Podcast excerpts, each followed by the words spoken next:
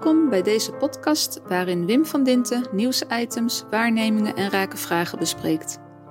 Veel zaken worden pas echt interessant als je dieper graaft en daar kom je altijd een laag van betekenisgeving tegen. In de podcast van deze week hoor je het audiospoor van de vlog van Wim van Dinten over de val van het kabinet Rutte 3 naar aanleiding van de toeslagenaffaire. Er is iets grondigs mis.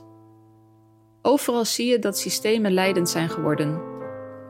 Maatwerk zit in de verdrukking en als je niet oppast, krijg je de stempel fraudeur wanneer je van het systeem afwijkt of er niet in past. Wat was ook alweer de bedoeling van de toeslagen? Kun je aan iemands gedrag herkennen wat blijkbaar de bedoeling is? Goedemiddag, goedenavond. Het is uh, deze week een, een bijzondere week, want het kabinet Rutte is demissionair geworden.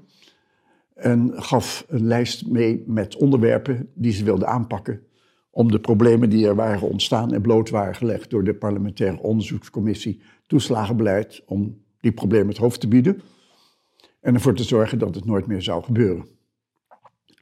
Ik heb er vanmorgen even voorzichtig doorheen gekeken door die brief en kwam tot de conclusie dat dit, wat ze nu weergeven, absoluut niet het antwoord is op de problemen die zijn blootgelegd.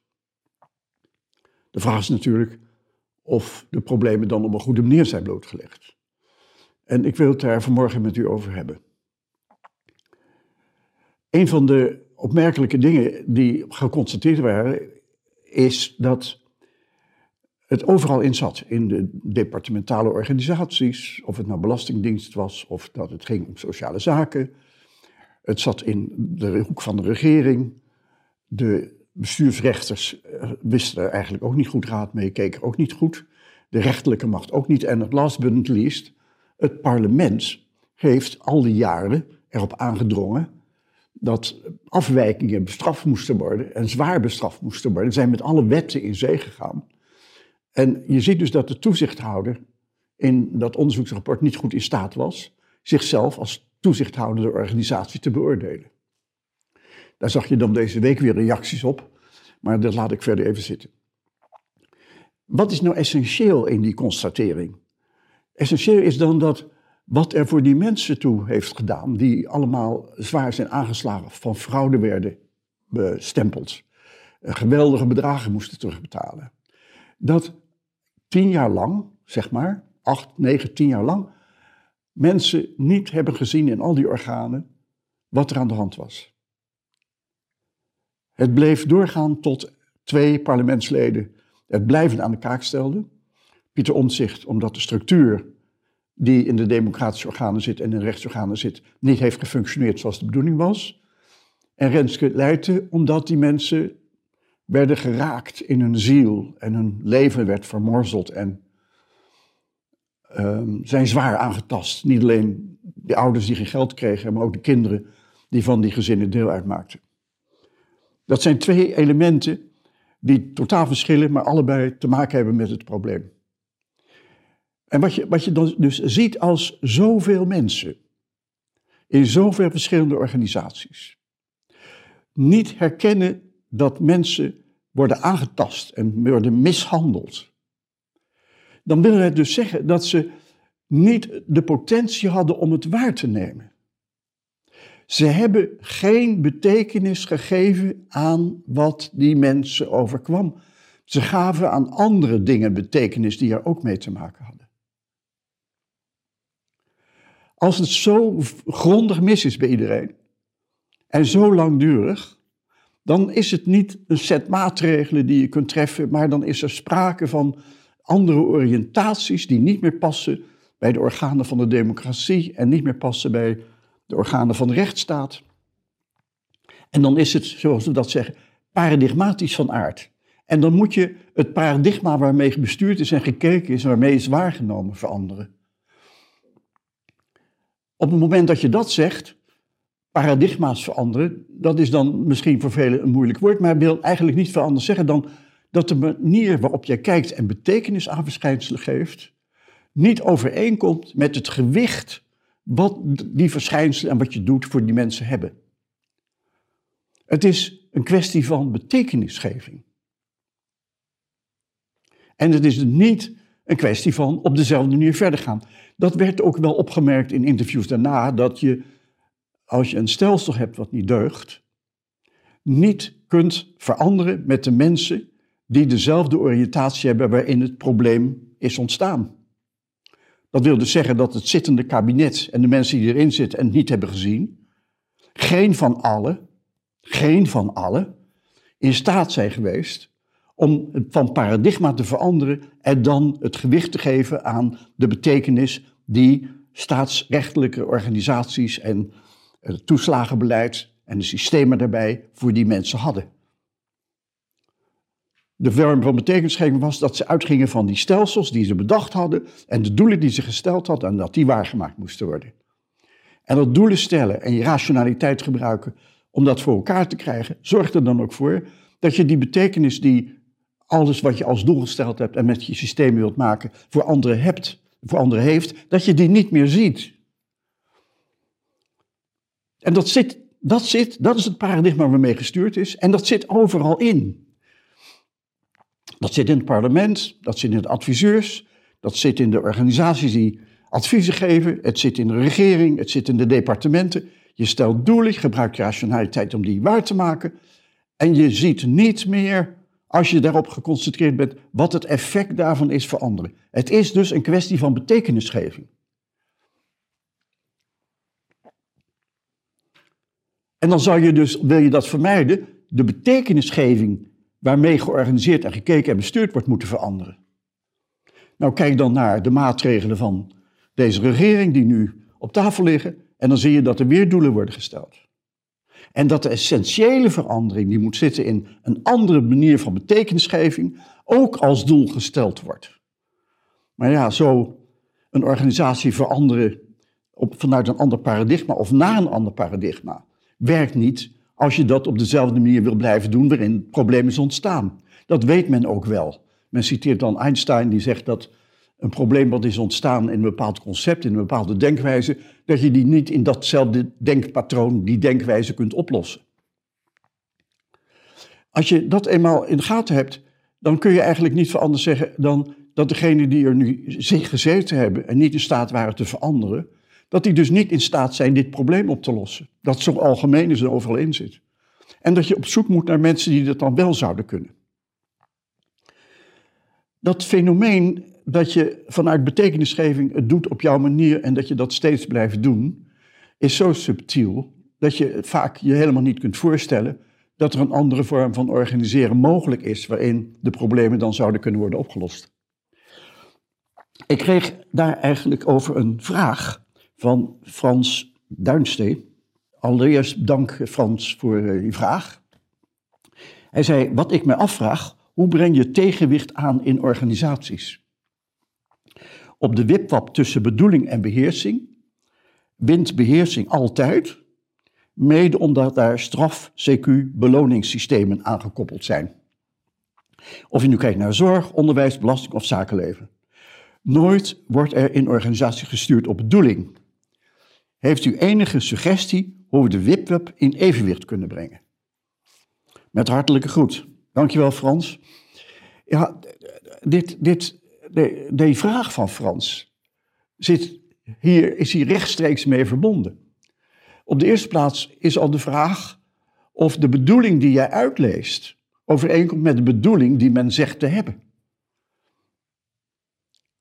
Dus als iemand zegt, wij willen mensen helpen met toeslagenbeleid, en dat ligt er, en je maakt er een systeem voor dat niet past bij die bedoeling, en je zet het door en je hebt niet in de gaten of je ziet niet wat het voor die mensen betekent, dan zal de bedoeling wel eens kunnen zijn dat je daar geld aan wil verdienen of mee terug wil verdienen.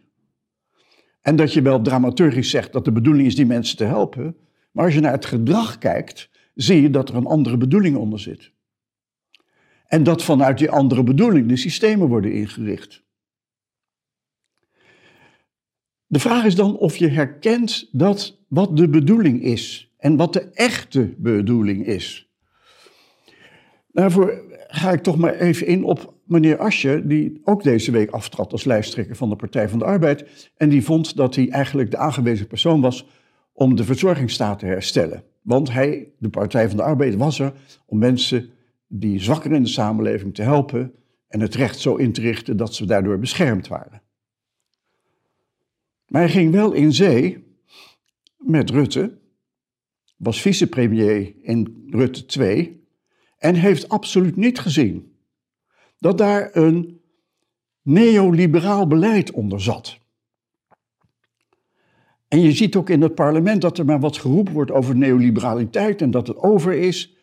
Rutte zelf zei erover dat hij niet weet wat neoliberalisme is. Ja, ja. Laat ik dan toch maar even daarop ingaan, want dat is heel essentieel om te begrijpen wat er gebeurd is. En wat, dat, wat ook in dat toeslagenbeleid niet alleen zit, maar in de hele overheid zit.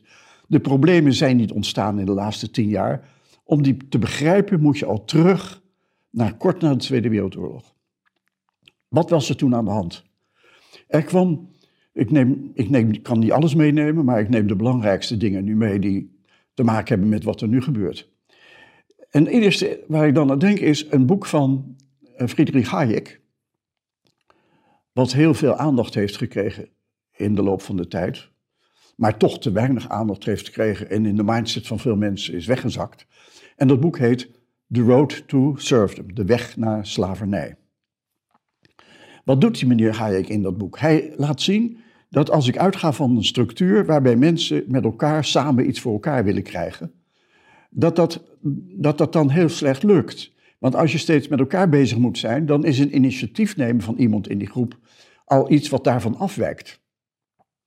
En het is dus heel ingewikkeld om in die collectiviteit iets voor elkaar te krijgen, initiatieven te nemen of iets af te rekenen. En dan is er vaak een hogere laag voor nodig om dat dan te doen. Maar ja, wie, wie is dan gelegitimeerd om dat te doen? Dus hij beschreef dan het systeem zoals dat in communistisch Rusland aan de gang ging, onder Lenin en vooral Stalin. Dat je, dat je dan een communistische partijregime hebt, wat iedere keer de legitimiteit geeft aan een volgende laag. En, en je ziet dat in die collectivistische structuur mensen eigenlijk helemaal niet verder komen. Vragen en initiatieven schuiven door naar omhoog. En die, daar schuift het weer naar omhoog. En uiteindelijk belandt het dan bij de hoogste leider. En hij, hij noemt dat dus ook de weg naar slavernij. Dat als je van die collectivistische structuur uitgaat, je je initiatiefkracht kwijtraakt en er geen liberaal kenmerk eigenlijk meer in te vinden is. En dat die mensen die erin zitten in die structuren, dat die, dat die ook ja, vastgezet zijn. Je durft je niet te uiten, want dat levert straf op. En in dat regime van communisme uh, betekende dat ook vaak de dood of verbanning. Hij, hij, schreef het in de tijd dat hij nog niet wist, Hayek heb ik het nu over, dat er gulags waren waarbij mensen van straat werden geplukt onder het mom van tegen het regime zijn. En die mensen werden in werkkampen gezet om allerlei projecten voor elkaar te krijgen, want er moest toch een methode worden gevonden om de economie en de economische mogelijkheden van dat communistische systeem competitief te maken met wat in het Westen gebeurde. En wat hij dus niet zag, Hayek, was dat dat regime wat er zat en wat zichzelf communistisch noemde, dat dat feitelijk een terroristische organisatie was, die mensen gebruikte tot dot voor een model waarin je absoluut niet kunt ontdekken dat er enige vorm van sociale betekenisgeving in zat. Dat communisme was een systeem waarin mensen werden vermorzeld en vermalen en waarin alles werd vastgezet en de hoogste leider dan iets teruggaf waar andere mensen mee aan de gang gingen. En Hayek zei dan daarna dat het collectivisme niet alleen terug te vinden was in dat communistische stelsel van Rusland, maar eigenlijk in alle socialistische stelsels zat en in autocratische staatsvormen, maar ook in het nationaal socialisme van Hitler en in het fascisme van Mussolini.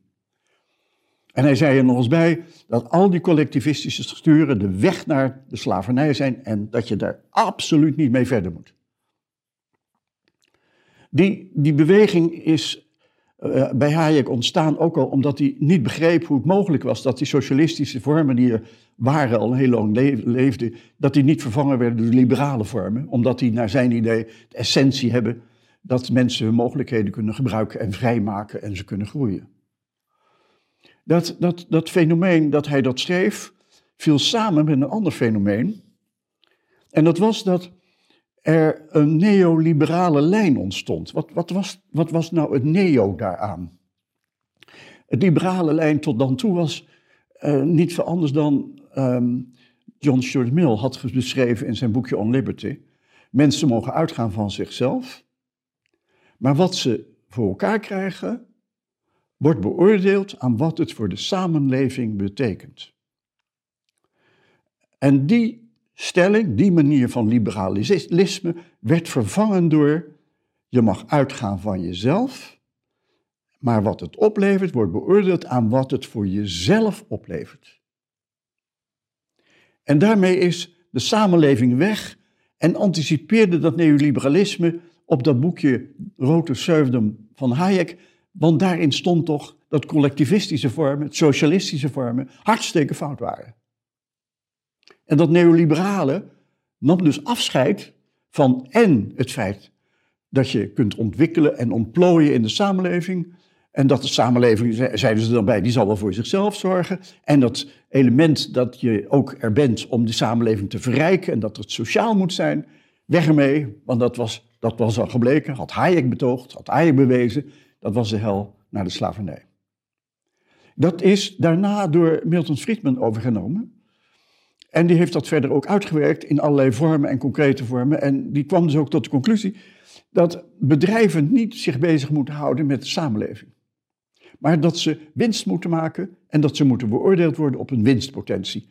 En de samenleving zal voor zichzelf zorgen. En Hayek had bewezen, weg met dat sociale, dat leidt alleen maar tot verdoemenis. En ja, dat was dus de vorm die na de Tweede Wereldoorlog opkwam, door Thatcher en Reagan werd omarmd en gepolitiseerd werd. Je zag het terug bij Lubbers en hoe Lubbers daarmee omging. Economen namen er bezit van in het spoor van Friedman. En toen we dan eindelijk waren, zo omstreeks 2010, 2010 uh, ja, was, was, was die beweging, die beweging al 30, 40 jaar aan de gang. Zeg maar twee generaties al aan de gang. En die zat al overal in. En als je naar die beweging kijkt en je bent um, lid van de Partij van de Arbeid en je bent er voor de zwakkeren in de samenleving en je gaat in een, een, een kabinet zitten samen met de VVD, dan moet je toch zien dat jouw manier van kijken, waarin het sociale domineert en mensen zich moeten kunnen ontplooien en dat de samenleving dat moet voor elkaar kunnen krijgen, dat moet mogelijk maken, dat dat niet zit in een neoliberale vorm. Desondanks Asje ging mee, maar hij niet alleen. Zijn maatje Samson destijds uh, had, was tegenpol geweest tegenover Rutte. En op de avond van de verkiezingen belden ze elkaar al op dat ze samen een regering wilden vormen. Hoe, hoe kun je de kiezer belazeren? Nou, ongeveer zo. En hoe ga je dan meedoen als de PvdA in zo'n neoliberaal kabinet? Dan moet je kijken hoe Asje dat deed.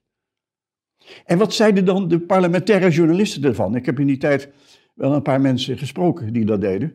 En die vonden dat het eigenlijk heel goed was, want dan kregen we een goed kabinet. Ze waren pragmatisch. Pragmatisch wil zeggen dat je een doel stelt, je rationaliteit gebruikt om dat voor elkaar te krijgen. En alle overwegingen in het sociale betekenisgeving of een evolutionaire betekenisgeving, daar hoef je je dan niet mee bezig te houden, want dat moet de samenleving maar zelf voor zorgen. Ook de journalistiek gaat niet vrij uit.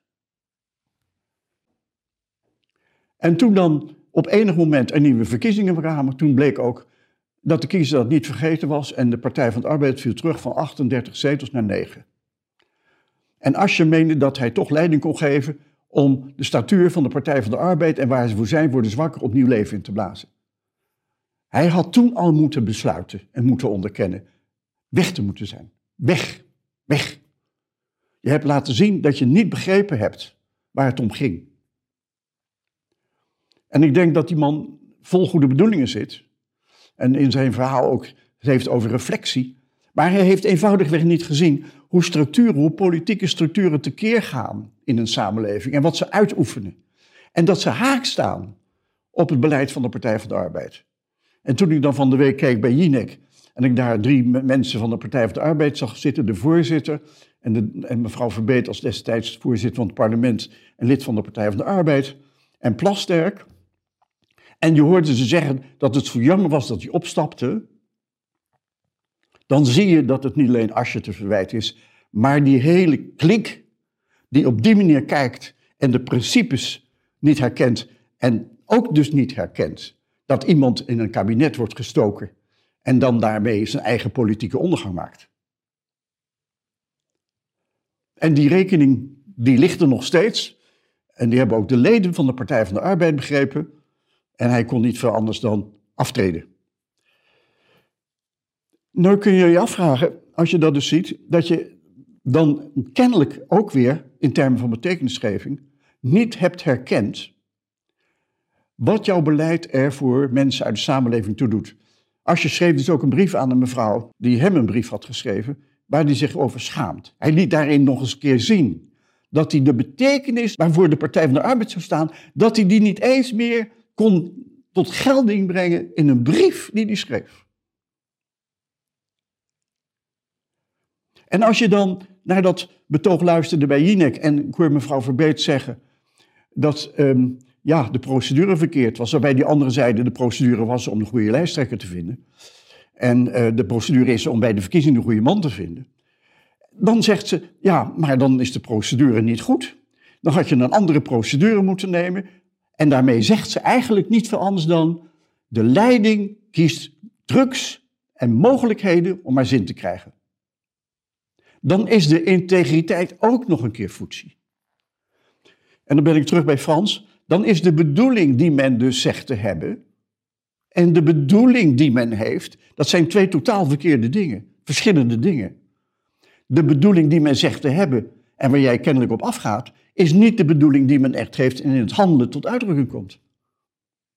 Dat kun je noemen verlies van integriteit, maar je kunt ook zeggen, het is een verlies van betekenisgeving waar het nou juist in die toeslagaffaire om ging. Had de parlementaire commissie dat kunnen zien? Ja, ja, dat had ze kunnen zien. En dan ga ik terug naar het interview, het verhoor, moet ik zeggen, met Wiebes. Wiebes zei in dat verhoor twee fundamentele kwesties. Hij, sneed die aan, waar de commissie absoluut niet mee verder ging en kennelijk ook geen raad meer wist. Het eerste was, ik doe dat even in mijn volgorde, dat ze hem vroegen of hij een oorzaak kon vinden. En hij vertelde toen dat in die ambtelijke organisaties en eigenlijk overal om hem heen, mensen niet meer durfden te zeggen wat volgens hen aan de orde was. Er waren structuren ontstaan waarbij ze bang waren zich te uiten. Dat zou kunnen betekenen dat je je baan kwijtraakte of je positie kwijtraakte. En in het parlement zag je dat dus ook, dat als je als Kamerlid je mond opendeed, dan stond je daarna niet meer op een verkiesbare plek op de lijst. En dan konden eh, Pieter Omtzigt en Renske Leijden zich aan onttrekken, omdat ze zoveel voorkeurstemmen zouden krijgen dat ze zich aan dat regime konden onttrekken en nog steeds helemaal volksvertegenwoordiger konden zijn. Maar als je dus ziet dat overal mensen niet meer in staat zijn initiatief te tonen, bang omdat ze dan hun positie kwijtraken, of nog erger. En je hebt nog even de road to serfdom in je hoofd, van meneer Hayek dan zie je opnieuw dat de beschrijving die Hayek geeft niet ging over communisme, niet ging alleen over nationaal socialisme of het fascisme, maar gaat over elke structuur waarin mensen collectivistisch worden gegroepeerd en niet meer in staat zijn zich te uiten op straffen van. Verval van positie, verlies van inkomen, verlies van aanzien, verlies van sociale contacten, zeg het maar. En dit element zit overal in. Of ik nou bij gemeenten kijk, of bij de Tweede Kamer, of in politieke partijen, of in departementen. Het is collectivistisch geworden. En als je naar de bestuursraad kijkt en je luisterde naar de secretaris-generaal van de Belastingen, die daar dan zes jaar zat, dan hoor je een processturing die niet veel anders doet dan we moeten het samen doen, we moeten het samen, de raad ook steeds, we moeten het samen doen, we moeten het samen. En dat zet zo vast als een huis. Dat leidt tot dat collectivisme, tot dat collectivisme wat je overal in zag. En politieke partijen moeten zich dus afvragen waar ze in hemelsnaam mee bezig zijn. Als hun leden in de Kamer niet meer in staat zijn hun mond open te doen en volksvertegenwoordiger te zijn. Ja, Wiebes heeft het gezegd. Hij liet het zien. Hij constateerde dat mensen niet meer hun mond open durfde te doen. En de commissie heeft er niks mee gedaan. En het andere element, dat zit ook in het, uh, de vraag van Frans. Het andere element is dat hij vertelde dat maatwerk, een maatwerksysteem in dat toeslagenbeleid absoluut onmogelijk was. Hij vertelde dat maatwerk voor hem is, en dat is ook voor mij zo, dat, dat je, maatwerk is dat je een dienst hebt, inzicht hebt in wat iemand nodig heeft, wat iemand kan, mee kunt gaan in de tijd. Als je ouders hebt die kinderen hebben, dan gebeurt er van alles. Iemand kan ziek worden, een man kan ziek worden. Er gebeurt van alles en nog wat, waardoor het patroon dat je dacht niet kan, voort, niet kan worden voortgezet. Maatwerk is dat je dat patroon waarin anderen zitten, die wat ze meemaken kunt volgen en je eigen mogelijkheden daaraan kunt aanpassen en herkent wat ze wel en niet nodig hebben. Dat lukt alleen maar als je iemand hebt die daar bovenop zit, die dat mee kan kijken en een systeem eventueel er is om dat te helpen. Maar op het moment dat het systeem dicteert, dan ben je al die verschillende mogelijkheden die mensen meemaken, ben je kwijt. En als je dan ook nog zegt, elke afwijking van het systeem is fraude, dan laat je dus zien dat de betekenis die zo'n systeem zou behoren te hebben voor die ander, dat je die niet gezien hebt. En B, dat je met zo'n systeem niet veel anders doet dan wat er voor die ander toe doet. Uh, ridiculiseren, belachelijk maken, klein maken en ze ook nog eens een keer bestempelen, in dit geval als fraudeus. Je vindt dit allemaal terug in de beschrijving van collectivistische regimes als je dat boek van Hayek openslaat. Rood Serfdom. En ja, als je dan ook niet ziet dat geautomatiseerde systemen als technologie dat altijd doen. En je ziet ook niet dat dat in de zorg gebruikt wordt bij DBC's of in onderwijs, bij passend onderwijs. Of het zit, kijk eens naar de politie intussen, helemaal gesystemiseerd van boven naar beneden, waarbij agenten voortdurend van het systeem uit moeten gaan, zich niet meer kunnen verbinden met de samenleving of van de samenleving uit kunnen denken dan vind je dit overal in terug. En dan moet je te raden gaan bij de bestuursraad, die 1500 mensen op de leunlijst heeft staan. En die mensen neerzet als secretaris-generaal of directeur-generaal. En allemaal met die processturing worden opgezet, die niets anders doet dan collectivisme erin harken.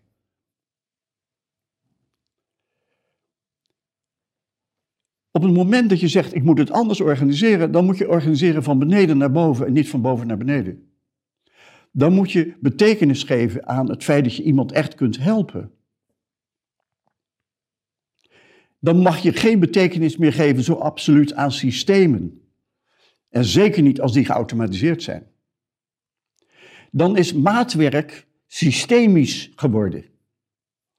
En contextgedreven maatwerk, als ik dat er tegenover mag zetten, die uitgaan van die ander, kan niet anders dan iemand die helpt, die op de schoot zit van die ander en een systeem heeft dat helpt, maar het systeem kan niet leidend zijn.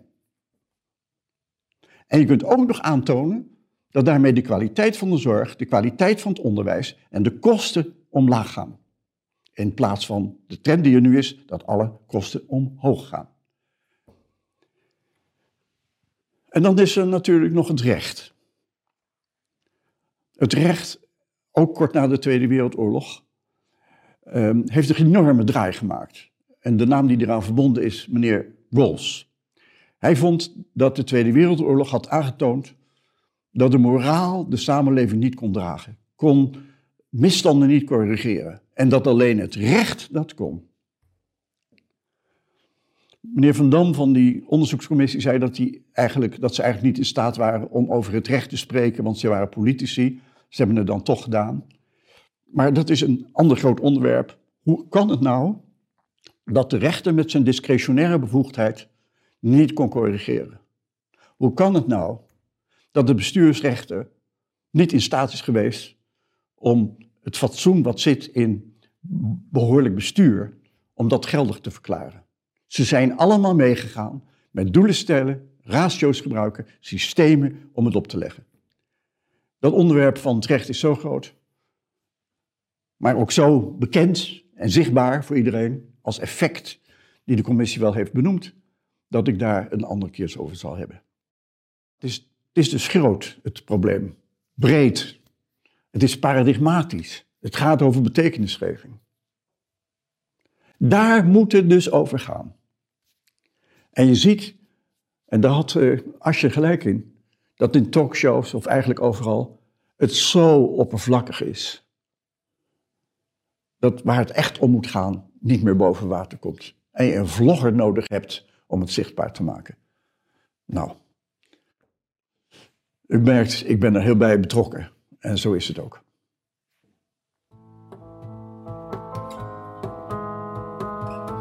Ben je nieuwsgierig geworden naar de vlog van deze podcast? Klik dan op de link die je vindt in de omschrijving.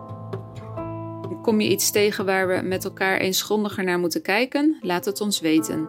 Stuur een berichtje naar czen, of via Facebook, LinkedIn of Twitter.